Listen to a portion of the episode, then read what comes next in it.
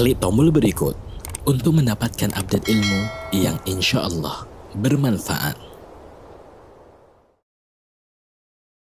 Dina Muhammadin wa ala alihi wa sahbihi ajma'in. Qala Allah Ta'ala fil Qur'anil Azim wa huwa asdaqul qailin A'udzu billahi minasyaitonir rajim. Bismillahirrahmanirrahim.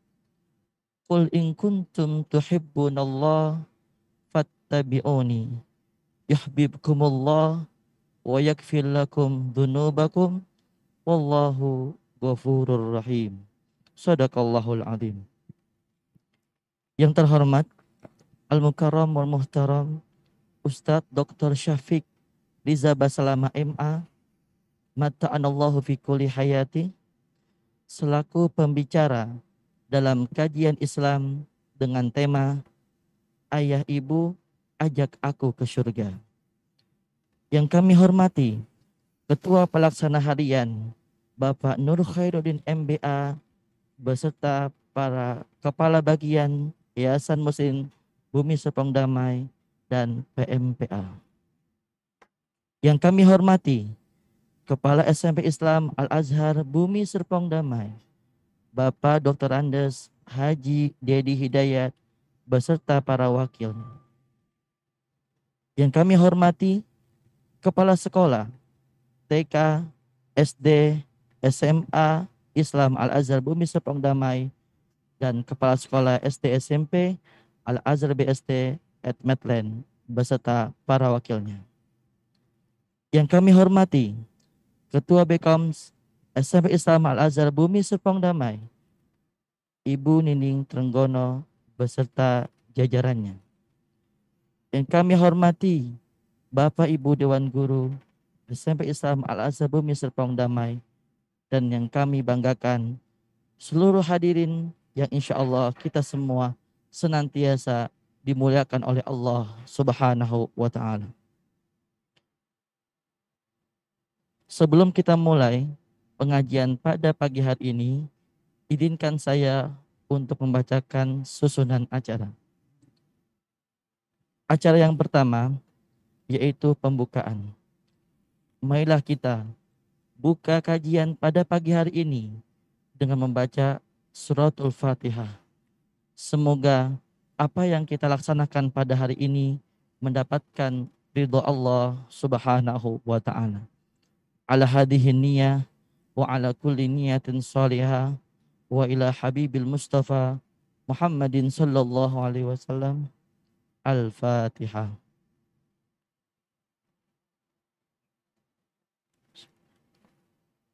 الحمد لله.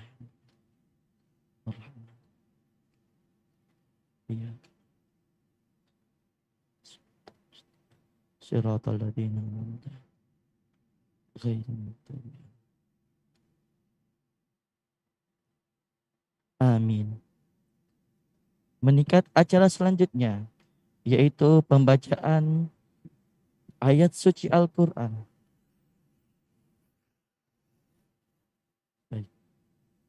Kita lanjut ke acara selanjutnya yaitu sambutan-sambutan. Sebutan yang pertama akan disampaikan oleh Ibu bagian rohani yang akan disampaikan Al-Mukarramah Ibu Indah Lulu. Kepada Ibu Indah Lulu, waktu dan tempat kami persilakan.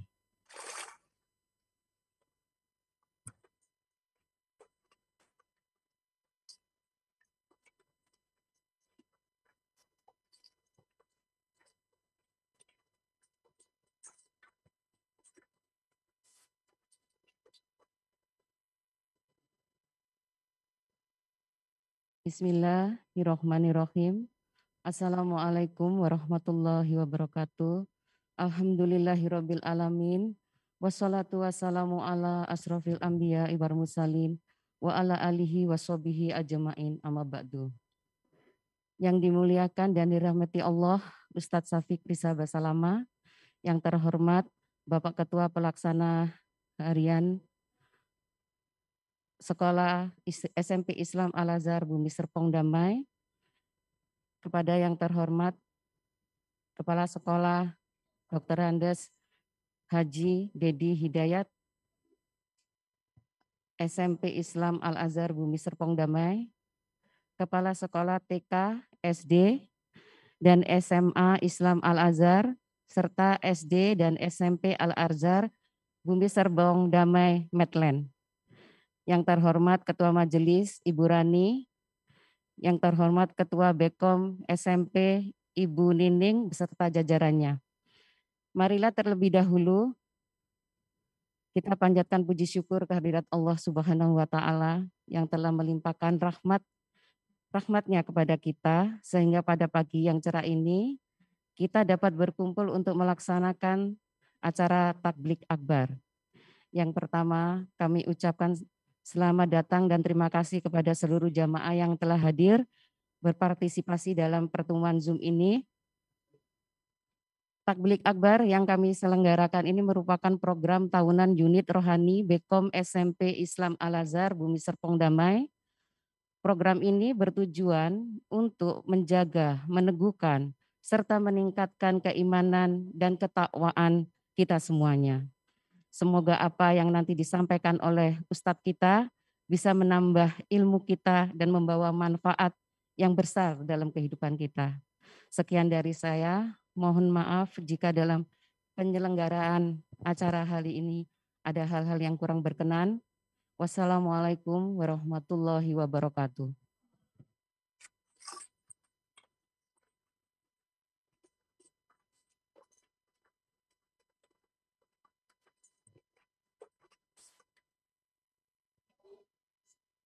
Terima kasih atas sambutannya. Sambutan kedua yang akan disampaikan oleh Kepala SMP Islam Al-Azhar Bumi Serpong Damai kepada Al-Mukarram Al-Muhtaram Bapak Dr. Andes Haji Dedi Hidayat. Waktu dan tempat kami persilakan.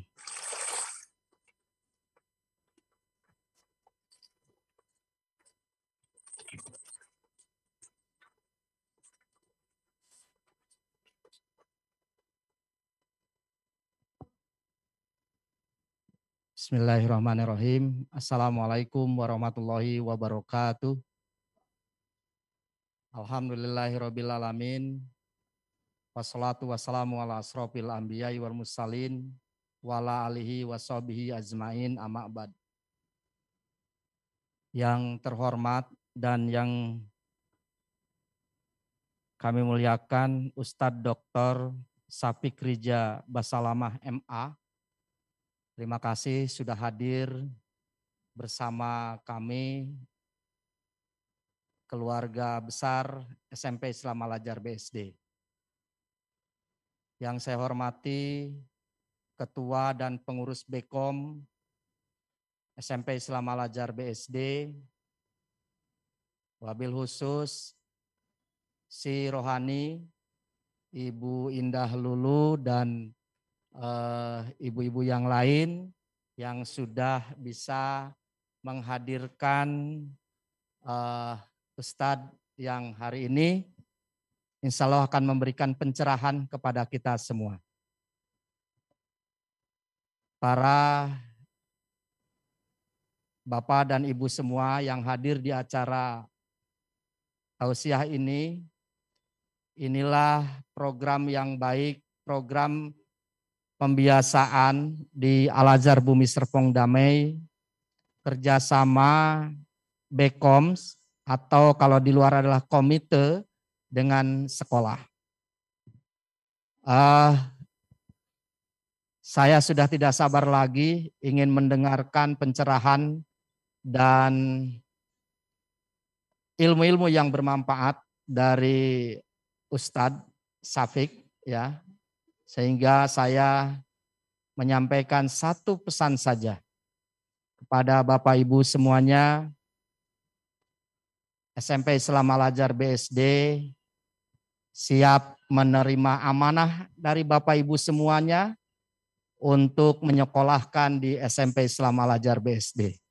Bagi Bapak Ibu semuanya yang tahun ini mempunyai siswa-siswinya kelas 6, kami persilahkan untuk mendaftarkan di SMP Islam Al-Ajar BSD karena pendaftaran sudah dibuka. Insya Allah kesempatan ini hanya satu kali untuk tahun pelajaran 2022-2023. Sekali lagi saya mengucapkan terima kasih kepada BPH Bekom, Si Rohani, dan pengurus Bekom yang lainnya yang sudah luar biasa merencanakan persiapan acara tablik akbar ini. Terima kasih. Wabillahi taufiq walhidayah. Assalamualaikum warahmatullahi wabarakatuh. Waalaikumsalam warahmatullahi wabarakatuh.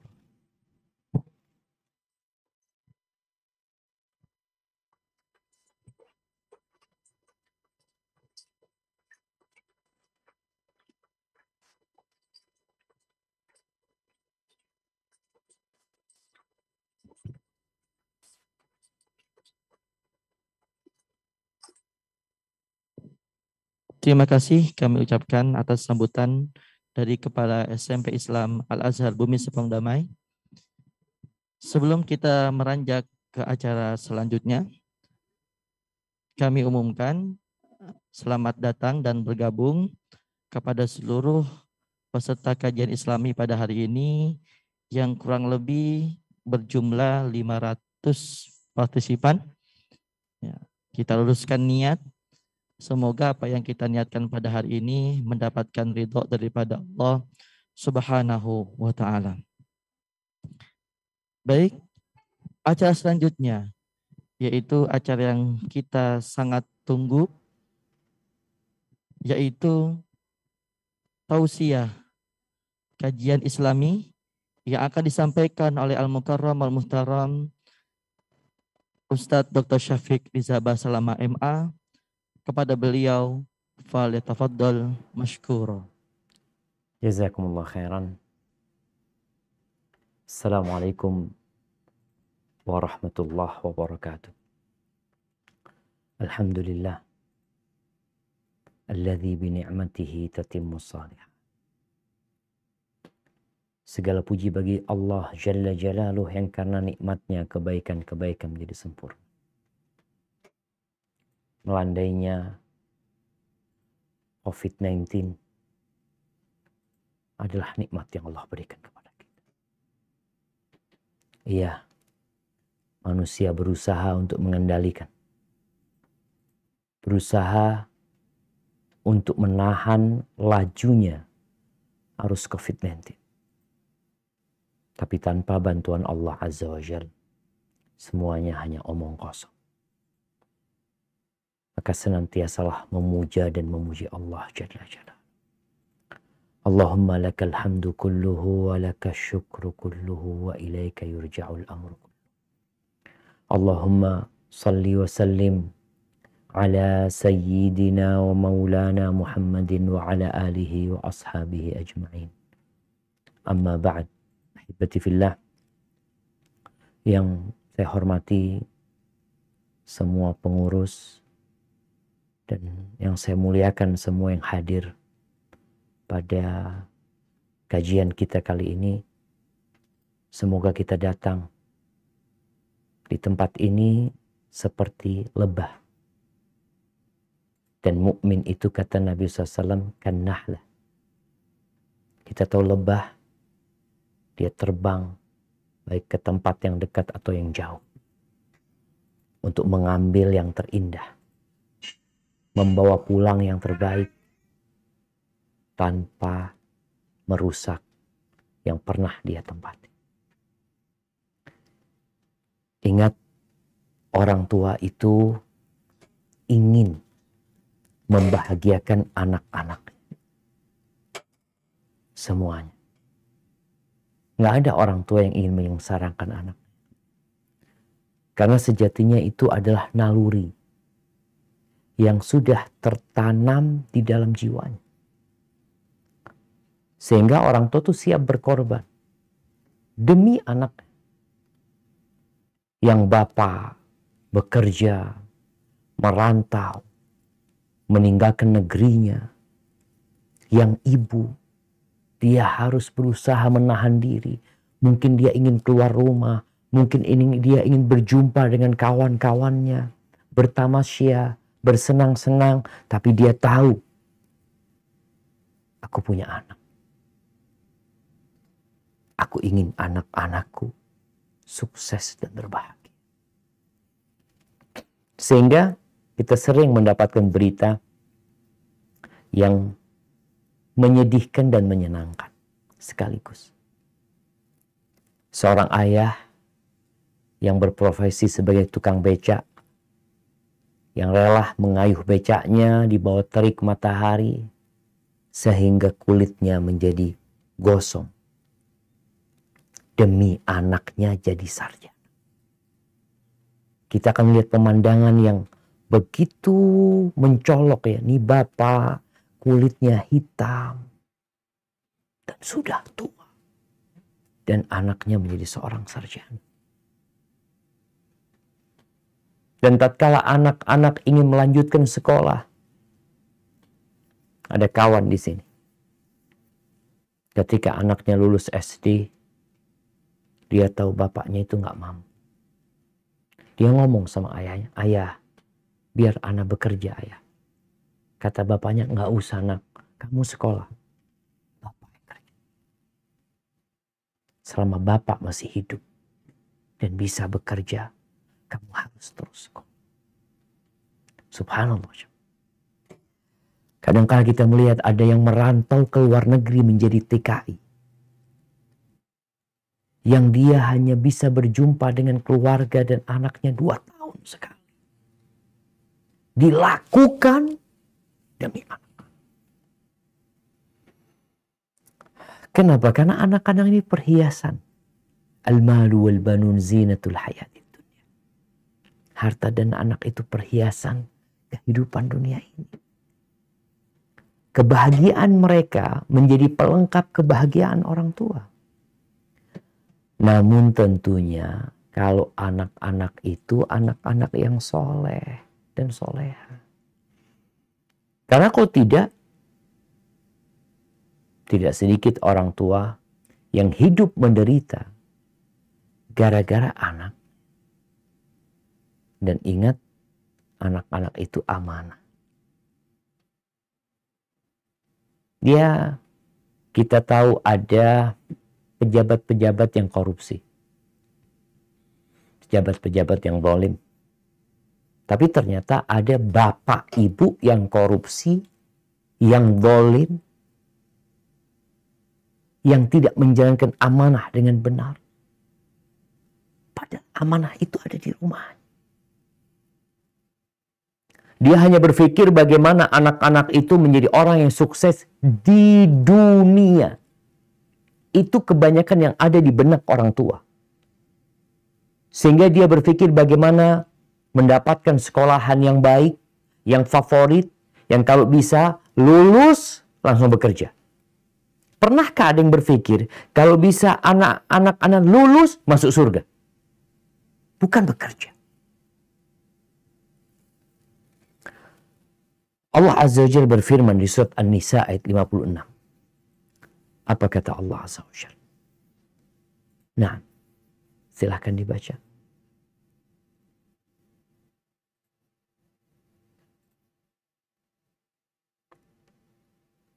Ayat 58 Zubair. 58. Ayat 58. Nah. Tafadhal.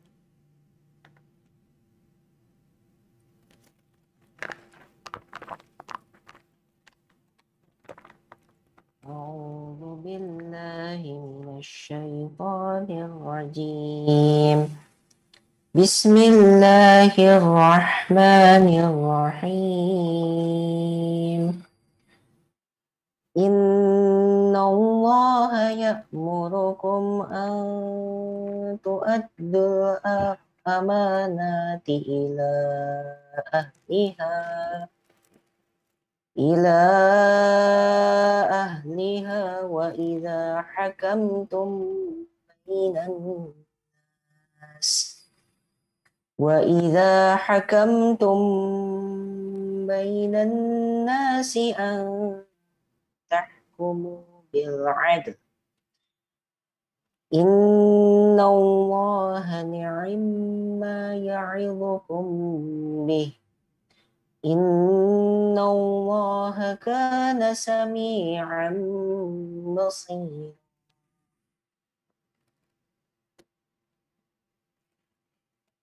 Artinya? Artinya, sungguh Allah menyuruhmu menyampaikan amanat kepada yang berhak menerimanya. Dan apabila kamu menetapkan hukum di antara manusia, hendaknya kamu menetapkannya dengan adil. Sungguh Allah sebaik-baik yang memberi pengajaran kepadamu. Sungguh Allah maha mendengar, maha melihat. Allahu Akbar jamaah. Allah maha mendengar. Allah maha melihat. Amanah ini akan dimintain pertanggungjawab. Siapa pemilik amanah? Dalam konteks keluarga, ya anak-anak. Itu amanah dari Allah. Dan kalau kita lihat tugas terbesar orang tua, ya bagaimana amanah ini terjaga sampai ajal menyebut mereka. Suami, para suami nih. Kita semuanya dulu bujangan. Kita nggak punya istri. Yang laki-laki, yang perempuan nggak punya suami.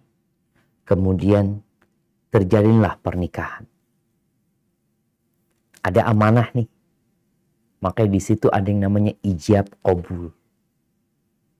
Ada seorang wali yang mengatakan kepada calon suami dari anak dia atau keluarga dia disebutkan uzawijuka ala ma amarallahu bihi min imsakin atau tasrihim bi ihsan. Kemudian dia mengatakan zawajtuka wa angkahtuka sampai akhir akad lalu sang lelaki mengatakan qabil tu. Aku terima. Ada peralihan amanah. Sehingga surga dan neraka itu perempuan adalah suami.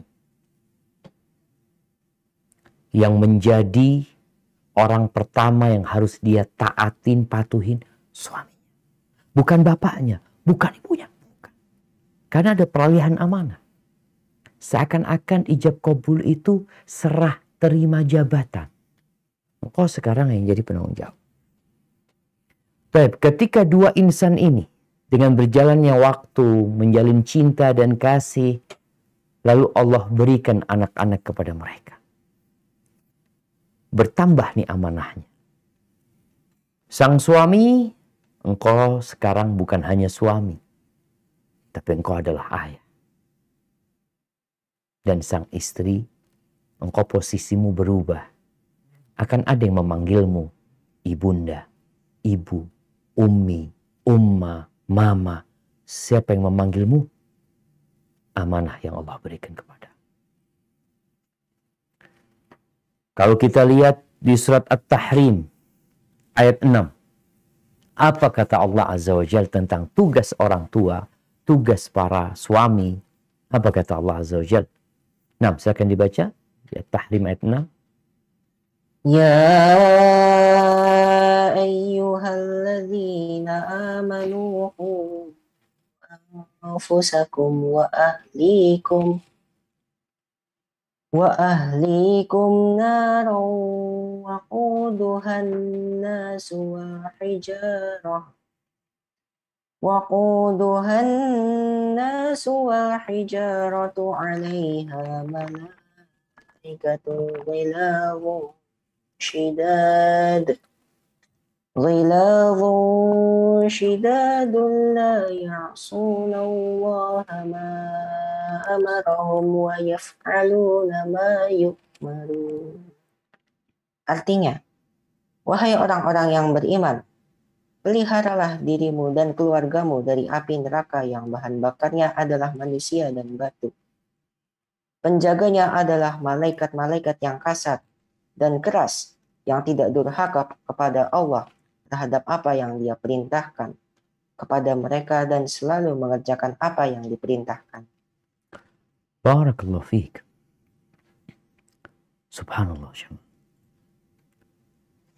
Bisa bayangin ya, kalau suami istri bersama tiga anaknya hendak melewati jembatan yang keropos. Dia tahu jembatan ini berada di atas sungai yang alirannya deras, terbuat dari kayu yang digantung, jembatan gantung. Apa yang dilakukan ayah pada waktu itu? Dia akan persiapkan anaknya. Nah, engkau lihat tuh yang akan kita lewatin. Hati-hati nak ya. Jadi nanti pegangan sama ayah. Bunda juga pegangan sama ibu. Mungkin nanti pakai tali nggak apa-apa. Kita diikat. Semua ikut arahan ayah, komando ayah. Di mana ayah melangkah, kalian melangkah di tempat itu. Karena ayah akan pastikan kayu itu keropos atau tidak.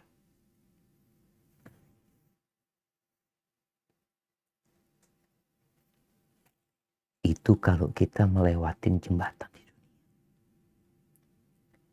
yang akan kita lewatin itu sirot yang berada di atas neraka Yang itu lebih tipis daripada rambut. Lebih tajam daripada pedang. Diletakkan di atas neraka jahanam. Yang kata Allah Azza wa Jalla وجيء يومئذ بجهنم يومئذ يتذكر Karul insan wa anna lahu dzikr. Kelak neraka jahanam itu akan didatangkan. Tatkala orang-orang berada di padang mahsyar, neraka itu tahu-tahu diseret. Siapa yang menyeret? Neraka jahanam itu memiliki 70 ribu tali kekang. Ma'akulli zimamin sab'una alfi malak. Yajurruna. Dengan setiap tali kekang itu ada 70 ribu malaikat yang menyeretnya. Itu yang akan kita lewatin. Belum lagi di kanan kirinya di kanan kiri jembatan yang akan kita lewatin bersama keluarga kita ini. Ada pengait-pengait. Orang ada yang jalan tahu-tahu dikait.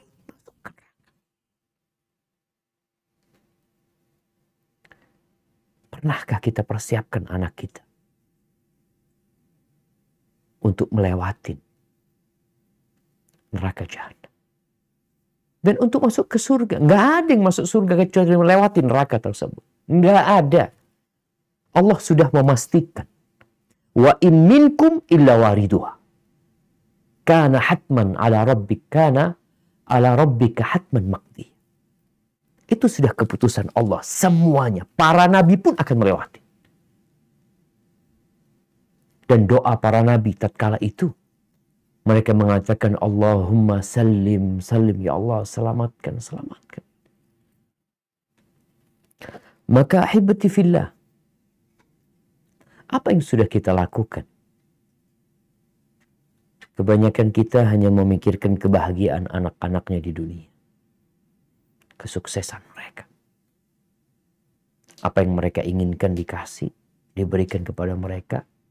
Orang tua ingin melihat anaknya tersenyum melihat anaknya gembira. Al-Imam Ibn Qayyim rahimahullahu ta'ala dalam kitabnya Tuhfadul Maudud di Ahkamil Maulud. Ini hadiah yang penuh dengan cinta yang berbicara tentang hukum anak-anak yang dilahirkan.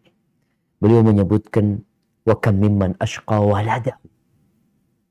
Berapa banyak orang yang menyengsarakan anaknya menyengsarakan fildata kabidi, menyengsarakan buah hatinya di dunia dan di akhirat. Gara-gara apa dia? Gara-gara dia teledor. Dia mengabaikan dalam dalam rangka mendidik anaknya. Bahkan yang ada bagaimana anak itu dapat meraih syahwatnya. Dia berpikir mungkin orang tua, anak kepingin dia gembira gitu loh. Anak ingin menerangi jalan dia padahal dia sedang menggelapkan jalan Dia berpikir, aku itu sayang sama dia. Enggak, engkau enggak sayang sama dia. Engkau enggak sayang sama dia. Anakmu ini akan melewatin sirot lu. Engkau udah siapkan enggak? Mana kasih sayangmu? Mana cintamu kepada anakmu? Merasa menyayangi anaknya padahal dia membolimi anaknya. Sehingga dia nggak dapat manfaat dari anaknya. Dan dia kehilangan aset besar dia dunia akhir. Lalu Ibnu Qayyim mengatakan wa fasada fil aulad. Kalau engkau mempertimbangkan, merenungkan rusaknya anak-anak ini. Apa pemicunya? Apa penyebabnya? Ra'aita amatahu min qibil ab. Engkau akan dapatkan ternyata kebanyakan sebabnya dari orang tua. Dari orang tua. Orang tua mengatakan, ini lingkungannya, ini temannya, ini sekolahnya. Engkau di mana? Engkau di mana? Tatkala melihat kawan-kawannya seperti itu. Tatkala melihat sekolahnya seperti itu. Engkau di mana? Ahibati fillah. Anak-anak tuh tahu dikasih cerita. Atau disetelkan video pendek tentang Raja Ampat. Atau tempat permainan Disneyland atau apa yang biasanya orang-orang pada berangkat ke sana. Setelah menonton itu, apa kata anaknya? Ayah, kapan kita ke sana? Kapan ayah bawa anak ke sana? Kita bareng-bareng ayah. Kapan kita berangkat ke sana? Padahal kesenangan itu hanya sementara dan sebentar. Bagaimana ketika kau menceritakan tentang surga? Tentang surga. Yang kata Allah Jalla Jalla fiha ma tashtahihil anfus. Wa taladzul a'yun wa antum fiha khalidun. Kata Allah di surga itu ada semua yang disukai oleh jiwa manusia. Semuanya nak. Semuanya. Anak kok cerita sama anak punya anak Yusuf tentang surga. Anak-anak ini sederhana kesenangan dia. Anak-anak tuh kasih duit 2000 bahagia banget. Dibelikan mainan mobil-mobilan bahagia banget. Ketika kita bicara tentang surga, dia akan tanya apa? Apa di surga itu ada mobil-mobilan? Nanti Yusuf dapat mobil berapa di sana? Iya. Dan yang terpenting dari semua yang dia sukai dia dapatkan, kata Allah, wa antum fiha khalidun. Selama-lamanya. Ahibati fillah. Bagaimana cara kita sekarang membawa anak-anak kita ke surga, menyelamatkan mereka dari api neraka. Maka ayah bunda ini harus menyamakan visi dan misinya. Benar nggak ini mau dibawa ke surga? Atau mau dibawa ke Amerika? Atau anak-anak mau dibawa berwisata? Maka orang tua, bapak, ibu harus menyamakan visi dan misinya. Kenapa? Karena nahkoda itu kalau dua, tenggelam kapal ini. Akan berantem mereka. Tatkala ada nahkoda dan ya kalau pilot ada co-pilotnya yang saling mendukung, yang saling membantu dan tujuannya sama. Kalau dari Jakarta pesawat Garuda mereka menyatakan kita mau ke mana nih? Tujuan kita ke Jeddah. Umroh. Bismillah. Kalau co-pilotnya mau ke Australia, pilotnya mau ke Jeddah, apa yang terjadi? Pilotnya tidur, dia balik arah ke Australia. Bangun lagi, ke mana ini arahnya? Ribut, balik lagi ke Jeddah.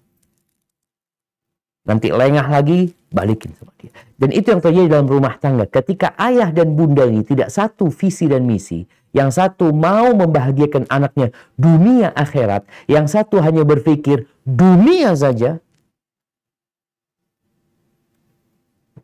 maka anak-anak jadi korban. Keluarga Nabi SAW pernah dalam satu perjalanan kehidupan Rasulullah SAW, istri-istri Nabi itu tergoda dengan dunia. Yang akhirnya membuat Nabi alaihissalam sebagai seorang suami harus meluruskan kembali tujuan. Mengarahkan ke mana mereka hendak pergi. Apa yang dilakukan Rasul SAW? Beliau memboikot istri-istrinya satu bulan. Semuanya. Beliau tidak tinggal di rumah. Beliau tinggal di sebuah kebun. Di situ ada rumah milik sahabat di sebuah kebun. Nabi tinggal di kebun itu satu bulan. Setelah satu bulan itu turun firman Allah di surat Al-Ahzab ayat 28 sampai 29. Coba kita baca ayat ini.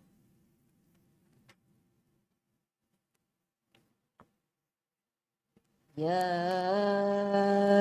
أيها النبي قل لأزواجك إن كنتن إن كنتن تردن الحياة الدنيا وزينتها وزينتها فتعالين أمتعكن وأسرحكن وأسرحكن سراحا جميلا.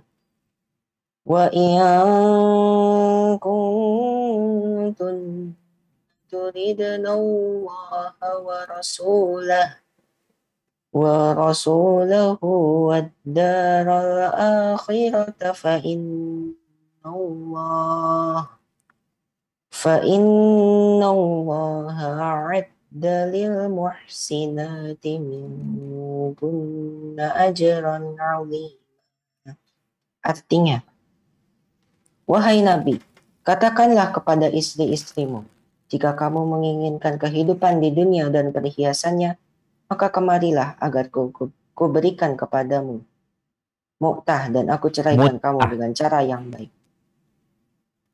Hmm. Mut'ah dan aku ceraikan kepadamu dengan cara yang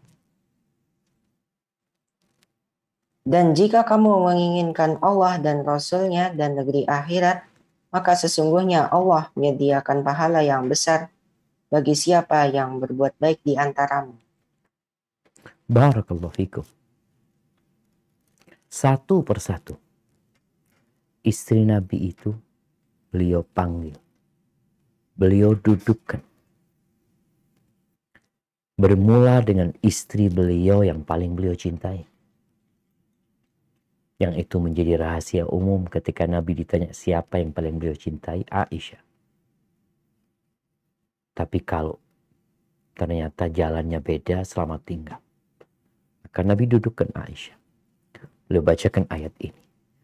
Kalau engkau menginginkan kehidupan dunia, perhiasan dunia, ya udah.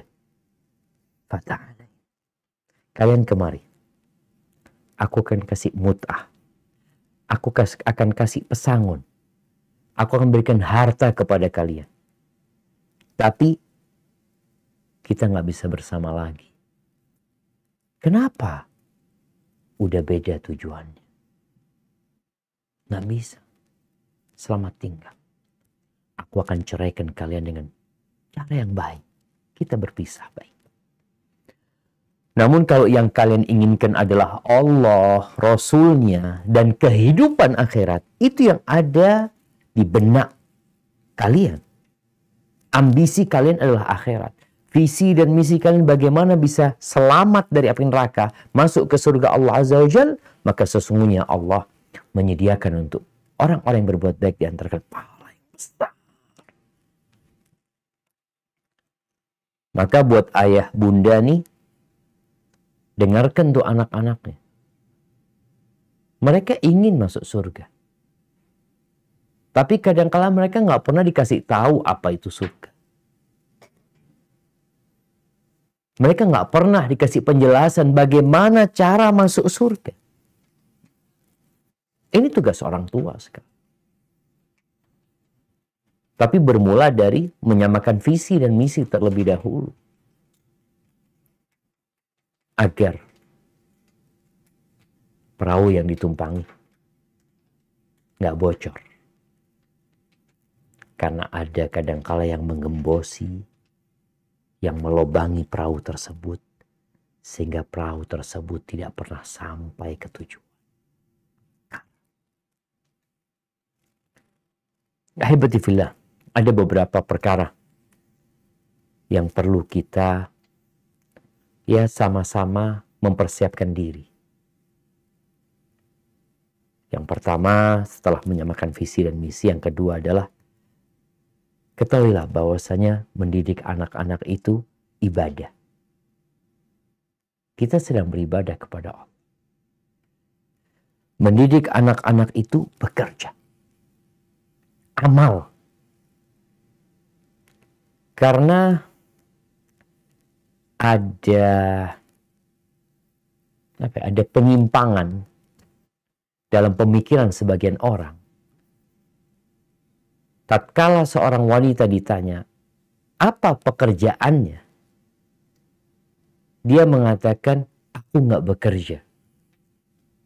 Aku ibu rumah tangga.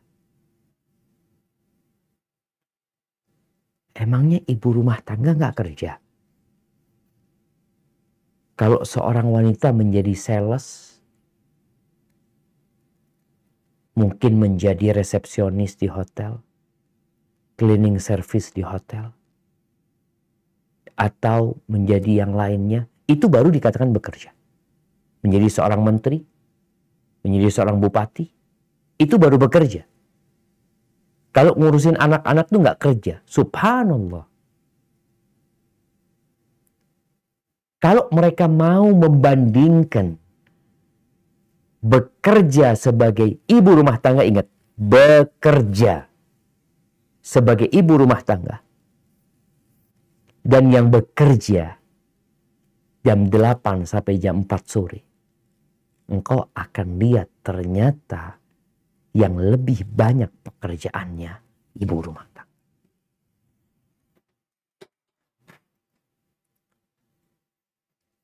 Dia itu all out bekerja tanpa jam kerja. Mungkin juga tanpa gaji yang dia terima.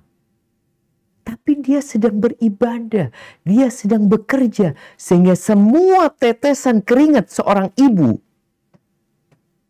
yang berada di dalam rumah, yang mendidik anak-anaknya, semua tetesannya itu akan ada di timbangan kebaikan dia insya Allah. Ketika dia melakukan itu lillahi ta'ala. Dan juga mendidik anak, ngajarin anak, itu termasuk dakwah. Kita kalau bicara dakwah nih, anak sekarang sedang berdakwah dakwah itu bisa fardu kifayah, bisa fardu ain. Ada dakwah yang fardu kifayah, artinya kalau sudah ada orang yang melakukannya, selesai, anak nggak punya kewajiban lagi gitu. Tapi ada fardu ain, yaitu kewajiban untuk setiap orang. Untuk orang tua, bapak, ibu mendakwain anaknya, mendidik anaknya, mengajarkan kepada mereka tentang Allah dan Rasulnya, itu fardu ain. Itu kewajiban. Nggak ada istilah, oh anak cari duit doang. Engkau cari duit doang. Didik anak siapa? Ibunya. Udah benar engkau pilihkan seorang ibu. Benar. Abul Aswad Ad-Du'ali. Dia pernah berkata kepada anak-anaknya. Dia mengatakan kepada anak-anaknya, ahsantu ilaikum. Sigaran wa kibaran wa qabla an tuladu. Ini ayah terus berjuang ya, mendidik kalian, berbuat baik kepada kalian. Ya sebelum uh, ketika kalian kecil, kalian udah besar juga ayah masih terus berusaha. Dan sebelum kalian lahir ke dunia ini, anak-anaknya bingung. Kalau ayah berbuat baik kepada kita, tatkala kita masih kecil, kita tahu, kita rasakan. Dan ketika kita sudah besar, ya sampai hari ini kita masih merasakan kebaikan ayah. Tapi gimana ayah dapat berbuat baik kepada kita, sedangkan kita belum ada? Gimana kebaikan itu gimana maksud? Apa kata ayahnya? Ikhtartu lakum umman la tu'ayyaruna biha. Aku pilihkan buat kalian seorang ibunda yang kalian tidak akan dicela dia. Ya. Ibadah masalahnya. Ibu itu madrasah pertama. Tapi peran ayahnya di sini peran utama untuk mendapatkan ibu yang seperti itu. Dan kalau bicara pahala, mendidik anak, membesarkan anak, mengajarin anak, subhanallah. Rasul SAW pernah bersabda, La ayyahdiyallahu bika rajulan wahidan. Khairun laka min humrina. Allah memberikan hidayah kepada seseorang lewat jalanmu satu orang aja lewat jalan itu lebih baik daripada harta yang paling mulia. Kalau dulu tuh onta merah. Maka ini kesempatan buat orang tua. Dia harus berpikir bahwasanya mendidik anak ini ibadah dan dakwah.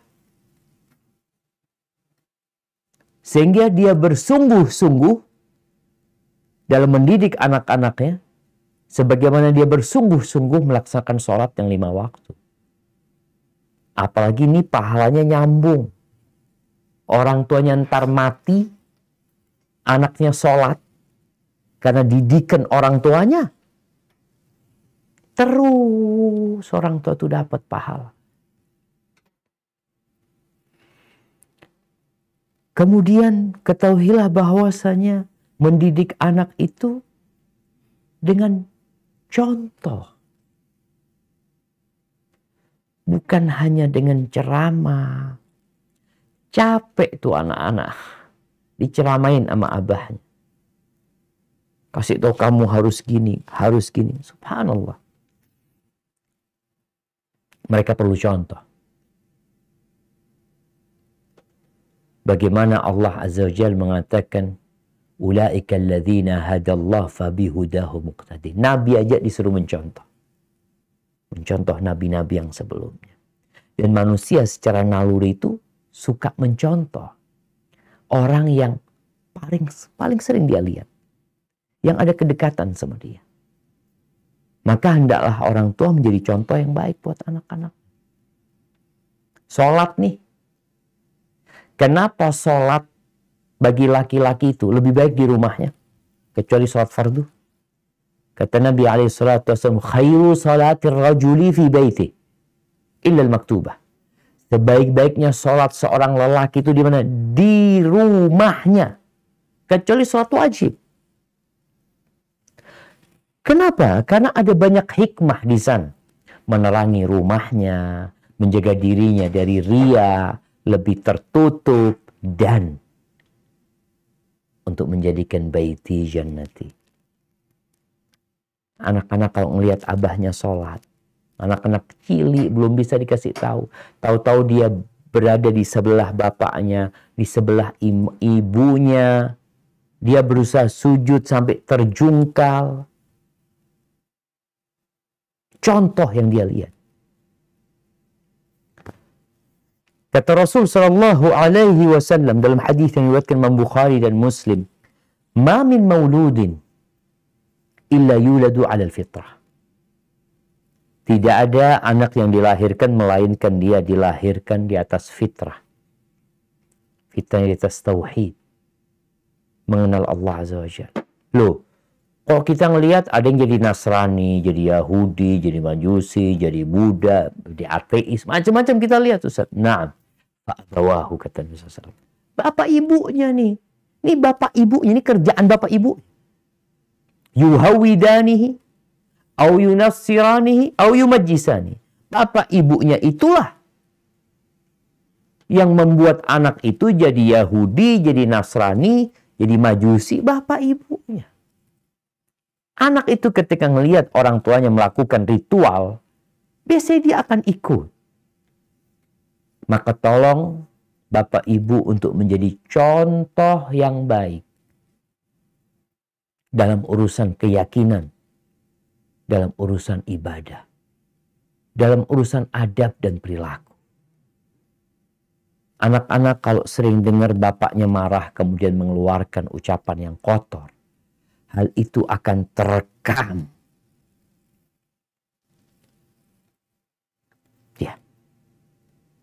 nanti dia akan keluarkan. Kemudian perlu adanya perencanaan. Kalau bicara ingin masuk surga, ya perlu direncanakan. Bagaimana kita mengkondisikan rumah. Mau beli rumah nih, beli rumah di mana? Di mana kau mau beli rumah? Ya, yang dekat masjid. Yang lingkungannya orang-orang soleh. Yang orang-orang dapat saling mengingatkan kita. Jadi perlu ada perencanaan, perlu diatur. Orang bangun rumah itu direncanakan, digambar ini dan itu. Maka orang tua perlu merencanakan hal itu. Merencanakan rumahnya, tempatnya, keluarganya. Soalnya kalau kita tidak merencanakan hal itu, ya akhirnya anak kita nih jadi apa nanti? memilih sekolah itu direncanakan. Banyak sekolah Islam. Tapi orang tua kan ingin yang terbaik. Maka dia perlu lihat, kalau sekolah di sini jadi apa tuh anaknya? Hafalan Qurannya berapa? Terus karakternya gimana nantinya? Orang tua merencanakan, tapi biasanya urusan dunia. Tadi yang disebutkan di awal, bagaimana nih anak lulus langsung bekerja. Ada itu pemikiran, boleh, boleh, boleh aja. Tapi ingat, Rabbana atina fid dunya hasanah wa fil akhirati hasanah wa qina adzabannar. Bukan cuma di dunia loh. Jangan cuma itu yang jadi ambisi. Jadi perencanaan ini dalam rangka ya menjadikan anak-anak itu terkondisikan. Kita juga harus mengkondisikan rumah kita. Anak-anak tumbuh dengan cinta dan kasih sayang. Nah ini, selanjutnya pendidikan anak-anak itu adalah perhatian dan kasih sayang.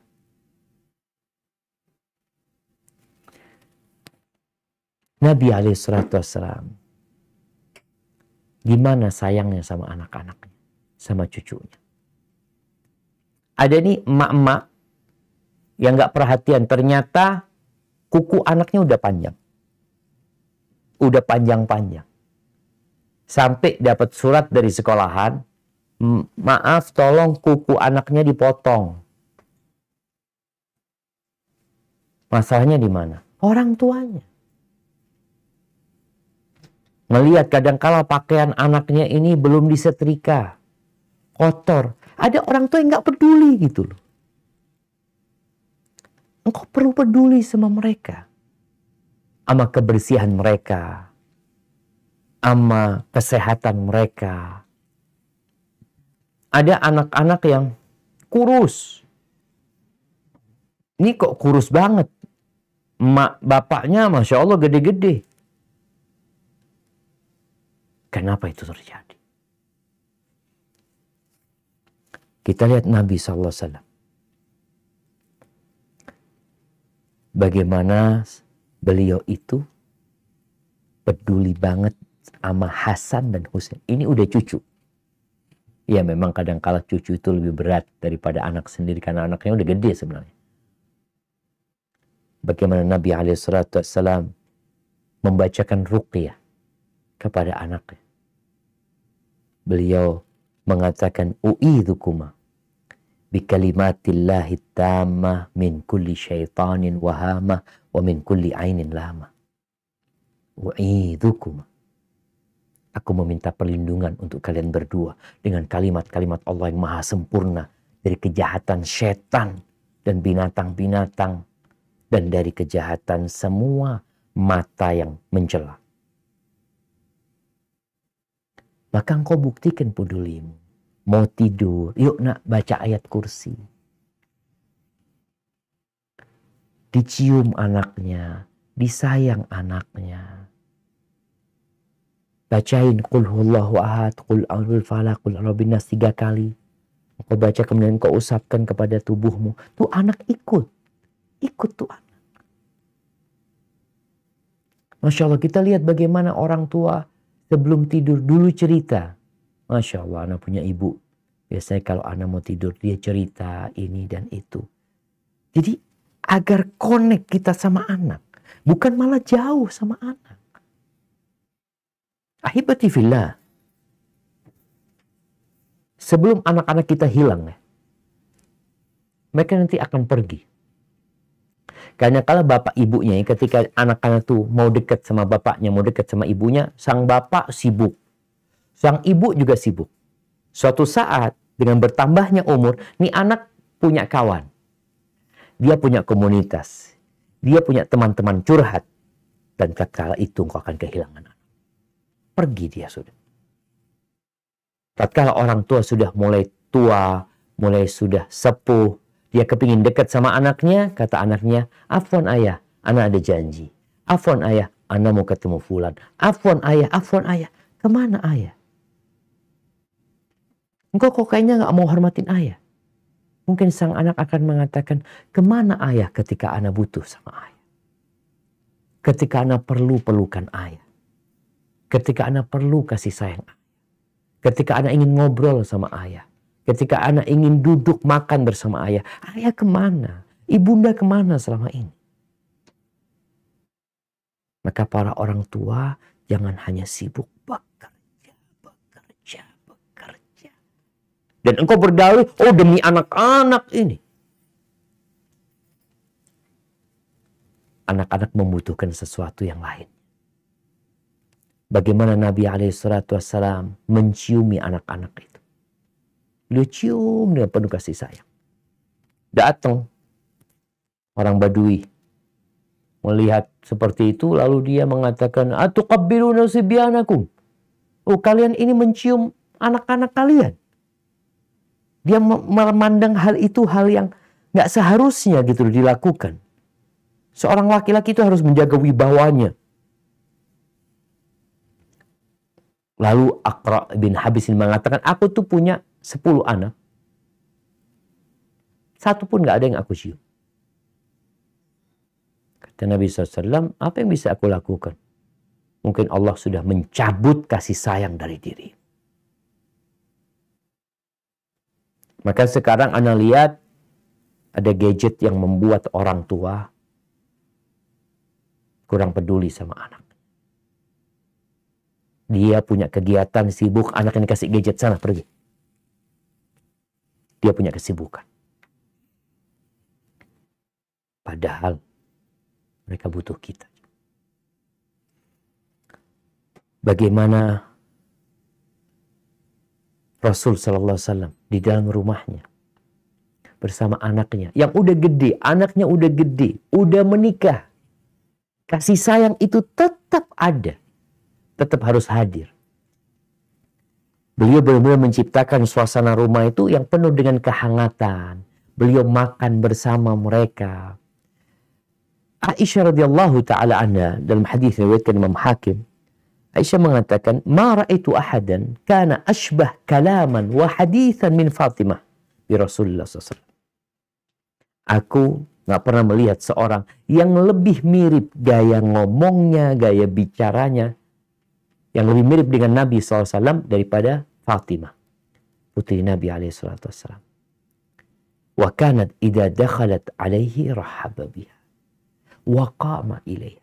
Kalau Fatimah datang ke rumah Nabi SAW. itu Nabi menyambut putrinya ini.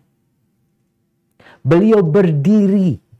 Fa'akhada dia diambil tangannya, dicium ini Fatimah, didudukkan di tempat duduknya.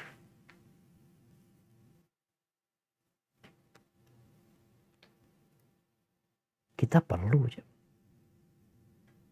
duduk makan bersama. Satu nampan. Kita kan sekarang kalau ngelihat orang tua tuh kalau ingin menyenangkan anaknya, yuk makan ke mana? Makan ke warung, restoran ini itu macam-macam. Iya, mungkin nggak ada masalah. Tapi engkau juga perlu punya suasana. Makan di rumah satu nampan. Satu nampan. Bersama istri, anak-anak semua. Biasanya kan makan di meja makan tuh. Berjauhan. Ngambil ini, ngambil itu. Perlu makan sambil beradu kepalanya. Dan boleh jadi di situ ada makanan yang enak engkau ambil. Engkau berikan kepada anakmu yang sudah gede. Engkau berikan. Fadlullah. Mungkin sang anak mengatakan, aduh aku kan udah gede. Makan. Supaya dia merasakan cinta itu. Di situ bisa menjadi majelis untuk menyelesaikan masalah, untuk mendengarkan curhatan mereka. Jadi kita perlu mengkondisikan. Ingat pendidikan itu pendidikan karakter. Itu juga perlu jadi perhatian orang tua, anak-anak yang diajari adab. Ya, bukan hanya dengan omongan. Kadang-kala perlu panggil orang, panggil orang nggak apa-apa. Dulu para khalifah, para khalifah itu memanggil guru khusus untuk memberikan pendidikan etika. Diajarin etika anak itu. Diajarin bagaimana memiliki akhlak yang mulia. Bagaimana mereka menjadi yang disiplin. Kemudian fillah perlu orang tua itu berdialog sama anak-anak. Karena kalau anak-anak sudah mulai gede ya, yang jangan perintah-perintah terus. Anak-anak punya keinginan kadang-kala. Perlu ada dialog sama mereka, dengarkan isi hati mereka. Kalau memang bagus, katakan bagus. Tapi kalau memang bagus tapi bermasalah yang ada di pemikiran dia, engkau katakan ini bagus, cuma masalahnya kayak gini, kayak gitu. Sebutkan sisi positif, negatifnya. Rasul SAW itu bermusyawarah dengan sahabatnya. Bermusyawarah. Bermusyawarah sama istrinya karena pada hakikatnya kita ingin anak-anak kita bersama kita masuk surga Allah Azza wa Jal. Kemudian ahibati fillah, masih banyak yang lainnya. Tapi anak ingin mengingatkan doa. Berdoa engkau. Anak-anak kepingin masuk surga. Coba dicek, dikumpulin. Doa anak isinya apa sih? Buat anak-anak itu. Apakah Anda berdoa dengan penuh keikhlasan? Apakah Anda berdoa memohon kepada Allah surga seperti Anda memohon kepada Allah anak itu lulus tes untuk masuk kuliah? Bagaimana orang tua ketika anaknya mau kuliah ya, mau masuk ke perguruan tinggi yang mungkin saingannya berat sekali. Nih orang tua berusaha melobi sana, melobi sini. Bahkan kadang-kala dia kalau harus bayar, dia bayar Tatkala dia berdoa kadang-kala ditambahin puasa sunnah, ditambahin sodako, dia mohon sama Allah. Ketika minta surga buat anak-anak, kita lakukan itu. Atau kita santai. Padahal surga Allah itu mahal. Mahal sekali. Maka berdoalah untuk anak-anakmu dengan hati yang tulus baca doa Rabbana. Seperti doa orang-orang yang soleh di surat Al-Furqan. Hablana min azwajina wa dhurriyatina qurrata a'yun waj'alna lil muttaqina imam. Waj'alna lil muttaqin. Jadikan kami imam, pemimpin-pemimpin. Pemimpin apa? Pemimpin perusahaan? Pemimpin kota? Pemimpinnya orang-orang yang bertakwa. Minta, pernah ada kejadian Fudail bin Iyad punya anak namanya Ali. Dia sudah capek ya, anaknya dididik udah udah berat ya. Udah berat. Akhirnya dia berdoa minta saya, ya Allah, aku sudah usaha ya Allah untuk mendidik dia, untuk ngajarin dia ya Allah. Kayaknya ini yang maksimal yang bisa aku lakukan. Aku serahkan dia sama engkau ya Allah, engkau mohon dia dididik dan. Subhanallah. Jadi anak benar dia akhirnya. Dan orang tua juga perbaiki dirinya, perbaiki hubungan dia sama Allah Azza wa Jal. Perbanyak istighfar. Sehingga Allah akan memperbaiki hubungan dia sama anak-anaknya.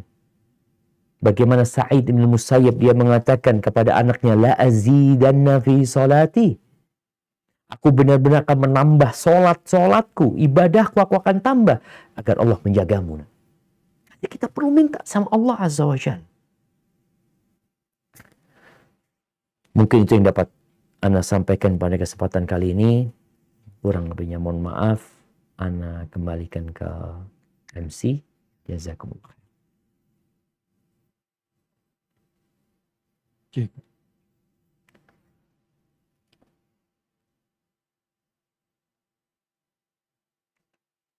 Alhamdulillah telah kita dengarkan bersama tausiah atau kajian islami yang telah disampaikan oleh Al-Mukarram Ustadz Dr. Syafiq Isaba selama MA yang sungguh sangat penting untuk kita ketahui dengan tema Ayah Ibu ajak aku ke surga. Baik, perlu kita ketahui saat ini Alhamdulillah yang mengikuti kajian Mukarram Dr. Syafiq Riza Basalama di Zoom ini berjumlah 600 lebih dan di YouTube sudah mencapai 1.600. Tidak ada masalah. Masya Allah. Bukain, bukain Nah, hati. Al-Mukarram Ustadz Syafiq di sini kami sudah mencatat ada beberapa pertanyaan dari jamaah. Dimohon untuk dijawab Ustadz. Pertanyaan yang pertama. Apa hukumnya jika seorang anak menitipkan orang tuanya ke panti jompo dengan alasan kesibukan dan yang lainnya. Masya Allah. Barakallahu fiik. Iya, ahibati fillah.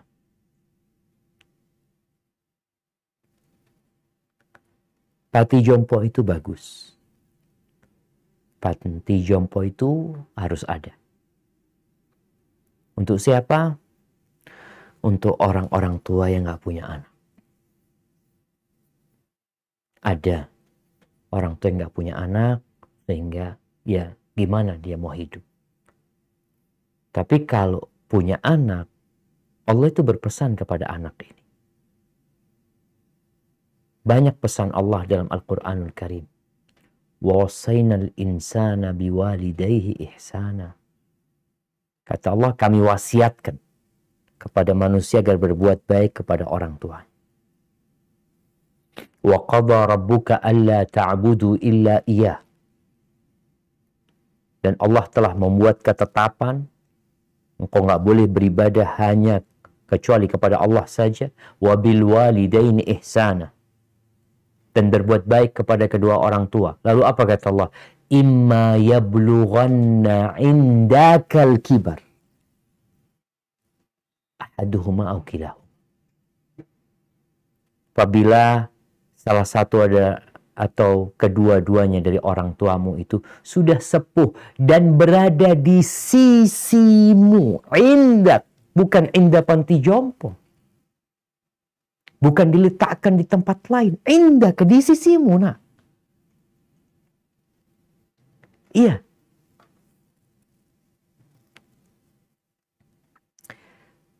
Satu ibu itu bisa merawat 10 anaknya. Tapi terkadang 10 anak itu belum tentu bisa merawat satu ibu. Semua punya kesibukan. Semua punya pekerjaan. Iya. Karena biasanya orang tua sudah sepuh dan anaknya sudah pada menikah semua. Sehingga dia berpikir, ya gimana anak bisa menikmati hidup ini? Maka meletakkan orang tua di panti jompo. Engkau tanya sama ibu. Bagaimana penderitaan dia di sana? Apa yang dia rasakan? Tatkala anaknya menghilang. Tatkala anaknya sibuk mencari dunia. Kalau memang anaknya sibuk bekerja, maka engkau perlu ada orang yang menungguin ibu. Bukan di panti jompo, tapi di rumahmu. Ada perawat yang merawatnya bersamamu ketika engkau mampu untuk melakukan hal itu. Jadi kalau bicara dititipkan di sana orang tua, maka ini salah satu bentuk tidak menghormati dan menghargai orang tua. Sampai ada orang tua, ya Allah jemaah. Anak lihat orang tua anak dua. Dua-duanya udah sepuh.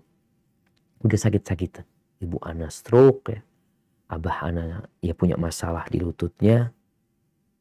Itu kalau anak sakit, nggak bisa jumpain mereka. Mereka tuh datang. Cuma ingin melihat anak gimana. Dan kalau bicara dunia, Bicara dunia. Engkau mungkin punya kesibukan mengumpulkan harta. Ya. Mau dibawa ke mana tuh harta? Sebagian manusia sampai titik duitnya nggak tahu mau dikemanakan. Ada manusia yang sudah banyak hartanya tapi nggak berhenti berhenti mencari seperti minum air laut. Sedangkan orang tuanya ini pintu surga yang terindah buat Pintu yang terindah tuh orang tuanya. Maka Nabi alaihissalatu mengatakan syaqiyun abdun. Sengsara seorang hamba. Masuk neraka nih orang. Adraka walidayh. Ahadawma au kilahihima fil kibar. Falam yudkhilahu jannah. Ini anak yang dapat orang tuanya masih hidup, udah tua, satu atau dua-duanya, tapi nggak bisa masuk surga dia. Maka hendaklah para istri ya, para istri kalau mendapatin suaminya punya orang tua yang sudah sepuh, hendaklah dia mendukung suaminya. Kalau bicara urusan kenikmatan dunia, sebentar kenikmatan dunia. Kelelahanmu membantu suami merawat orang tuanya, insya Allah mengantarkanmu kepada fid dunia hasanah wa fil akhirati hasanah. Barakallahu fikna. Jazakallah khair Ustaz Syafiq Liza Basalama. Masya Allah Ustaz, saya teringat orang tua saya. Sedikit air mata saya mengalir saat penjelasan tadi. Pertanyaan selanjutnya, jika yang sudah Ustadz sampaikan bahwasanya anak adalah aset akhirat yang dapat membahagiakan kedua orang tuanya baik di dunia maupun saat nanti kita semua kembali kepada Allah Subhanahu wa taala. Pertanyaannya fillah.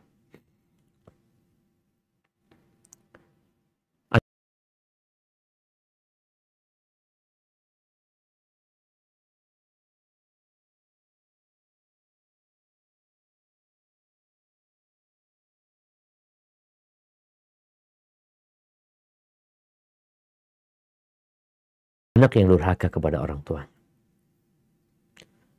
Maka nanti perlu ada persidangan. Dan akan ada persidangan nanti pada hari kiamat. Tadi kita membacakan ucapan Ibnul Qayyim. Bahwa kebanyakan penyebab rusaknya anak. Itu orang tua. Ketika anak ini durhaka, dan orang tua menjadi penyebabnya, gimana anak itu akan memberikan syafaat kepada orang tua untuk masuk surga. Anaknya, anaknya ini nggak benar nih. Anaknya ini durhaka. Dipanggil anaknya.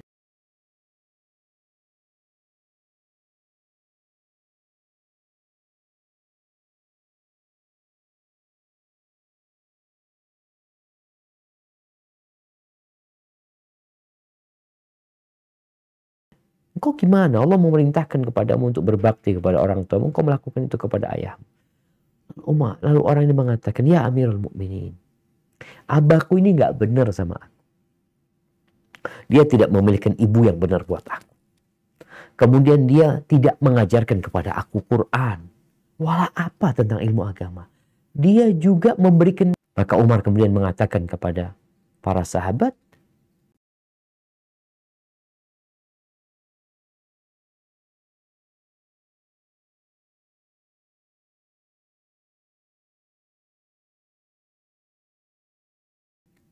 pada orang-orang yang hadir di sana. Birru abna'akum. Tabirrukum abna'ukum. Kalian hendaklah berbuat baik kepada anak-anak kalian. Anak-anak kalian insya Allah berbakti sama kalian. Jadi anak-anak yang durhaka apakah akan memberikan syafaat kepada orang tuanya? Dia dia nggak memikirkan dirinya masuk surga. Mungkin dia masuk neraka. Di sini boleh jadi dia menyeret orang tuanya ke dalam neraka. Anak-anak yang soleh, Masya Allah, itulah yang akan memberikan syafaat kepada orang tua. Sehingga Nabi SAW ketika menyebutkan manusia kalau meninggal dunia terputus amalannya kecuali tiga. Ilmu yang bermanfaat, ya ini orang tua kalau punya ilmu yang bermanfaat yang diajarkan kepada anaknya, dapat tuh orang tua. Dia mungkin bukan ustadz, dia mungkin bukan guru, tapi dia ngajarin anaknya baca alif, ba, ta, ta. Itu masuk kepada rekeningnya orang tua. Karena dia yang ngajarin. Terus ketika anak itu baca Quran, orang tua dapat tuh kiriman terus. Kemudian sodaka jariah. Kemudian yang ketiga, walad saleh, anak soleh yang mendoakan orang tuanya. Kalau anak itu durhaka, gimana dia akan mendoakan orang tuanya? Sedangkan dia memikirkan dirinya juga enggak. Sholat kadang-kala juga bolong-bolong. Dan di antara syafaat anak itu, kalau anak itu meninggal dunia sebelum balik, di mana Nabi SAW menjelaskan nanti akan ada anak-anak di pintu surga yang tertahan. Disuruh orang itu pada rebutan ya, berdesak-desakan masuk surga. Ada anak-anak itu yang malah tidak ikut berdesak-desakan. Lalu dikatakan kepada mereka, Allah malahumun habitun. Kenapa mereka kok tertahan di sini? Kenapa? Anak-anak itu mengatakan, hatta ya'tiya abaun.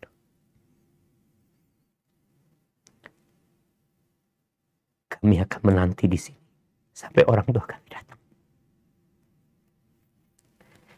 Itu syafaat buat anak-anak yang meninggal dunia sebelum balik. Maka ini kabar gembira buat orang tua yang punya anak bayi meninggal, belum balik meninggal, sabar. Ridha sama ketentuan Allah. Supaya anak itu bisa memberikan syafaat kepada dia. Barakallahu fikna.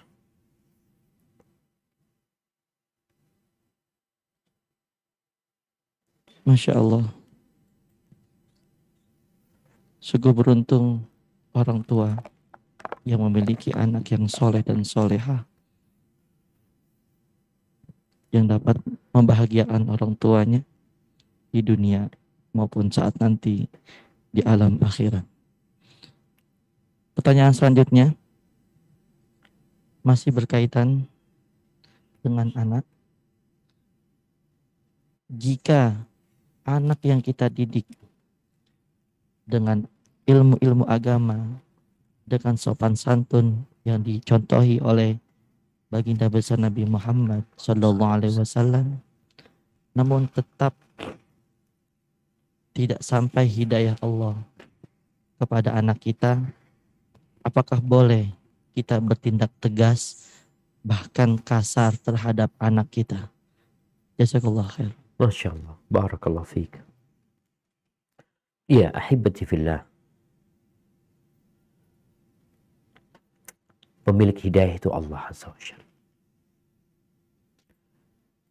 Kita membaca kisah Nabi Nuh alaihissalam. Bagaimana istrinya, bagaimana anaknya tidak mau beriman. Salah satu anaknya. Sampai ketika Nabi Nuh naik perahu. Hujan dengan deras turun dari langit bumi pun menyumberkan air sampai tungku-tungku api itu penuh dengan air. Sumber air. Nabi Nuh melihat anaknya. Nabi Nuh mengatakan kepada anaknya, Ya bunayyarkam ma'ana, wala takun ma'al kafirin. Ananda, anakku, kata Nabi. Wahai anakku, ayo engkau naik sama kami. Naik, nah. Jangan gabung sama orang-orang kafir saat. Apa kata anaknya? Sa'awi ila jabalin ya'simuni minal ma.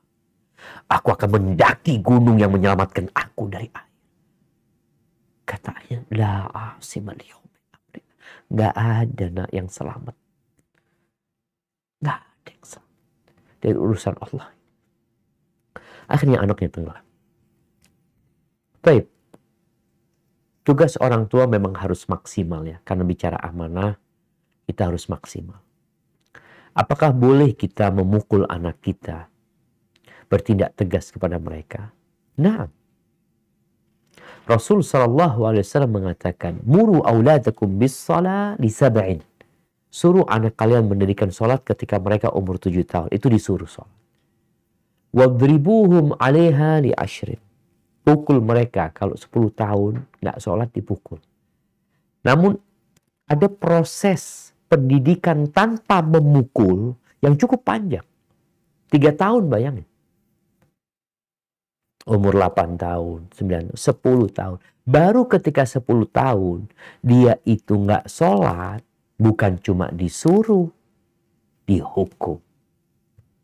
Namun hukuman itu tidak boleh mencederai, tidak boleh mematahkan tulang. Orang tua ketika memukul anaknya itu memukul dengan cinta dan kasih sayang, bukan dengan emosi. Ada cinta dia dia kepingin anaknya benar. Kemudian bicara memukul ini juga orang tua harus lihat. Lihat apa? Dia melihat karakter anaknya.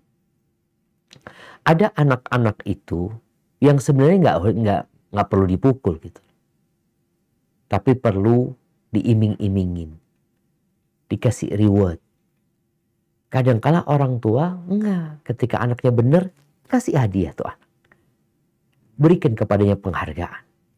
Ketika dia menyelisihin, ini baru ada hukuman buat dia. Sehingga anak itu tahu, oh kalau aku nggak benar, aku dihukum gitu loh. Kalau aku benar, aku dihargain. Ketika ini terpatri dalam pemikiran dia, insya Allah dia akan jadi orang baik. Harapannya, harapannya seperti itu.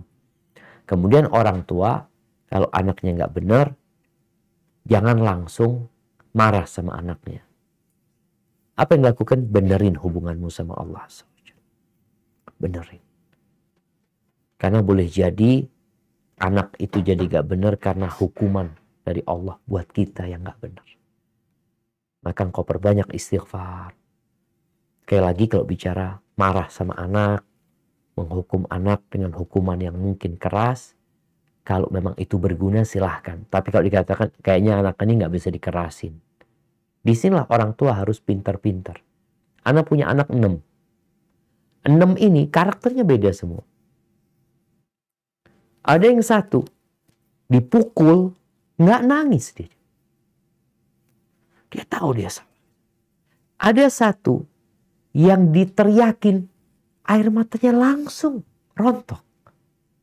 Jadi nggak perlu nggak perlu dipukul gitu. Jadi kondisi itu yang harus kita pelajarin sehingga orang tua nggak salah gitu loh. Ada yang dipukul tambah jadi anaknya tambah nggak bener. Apa manfaatnya kita memukul dia? Kalau ternyata membuat dia tambah nggak bener. Jadi orang tua hendaklah pandai-pandai melihat hal itu dan semaksimal mungkin dia mendidik anaknya. Sisanya serahkan sama Allah. Cerita yang tadi Fudail bin Iyad yang mengatakan, Ya Allah, aku udah maksimal. Ya Allah, aku serahkan kepada engkau. Aku minta engkau yang mendidik dia, Ya Allah. Jadi benar-benar mentauhidkan Allah. Bergantung dengan pencipta. Tidak bergantung dengan pemikirannya, dengan emosinya, dengan gayanya, dengan caranya. Tapi bergantung sama Allah. Yang lain ini cuma sebab. Barakallah fiqh. Allah. Mungkin ini pertanyaan terakhir Ustaz.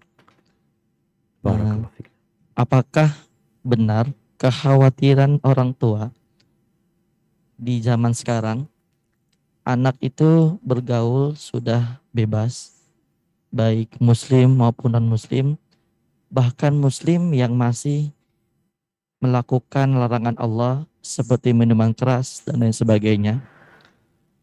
Alasan anak itu yang terpenting saya tidak melakukan apa yang Allah larang. Dan yang terpenting orang itu baik kepada saya. Padahal ada hadis Nabi Muhammad SAW yang maknanya adalah teman itu dapat mempengaruhi kita. Orang yang memakai minyak wangi, kita sebagai temannya pasti ikut wangi di sekitarnya. Kalau kita punya teman yang pekerjaannya pandai besi, pasti kita akan mengenai percikan apinya.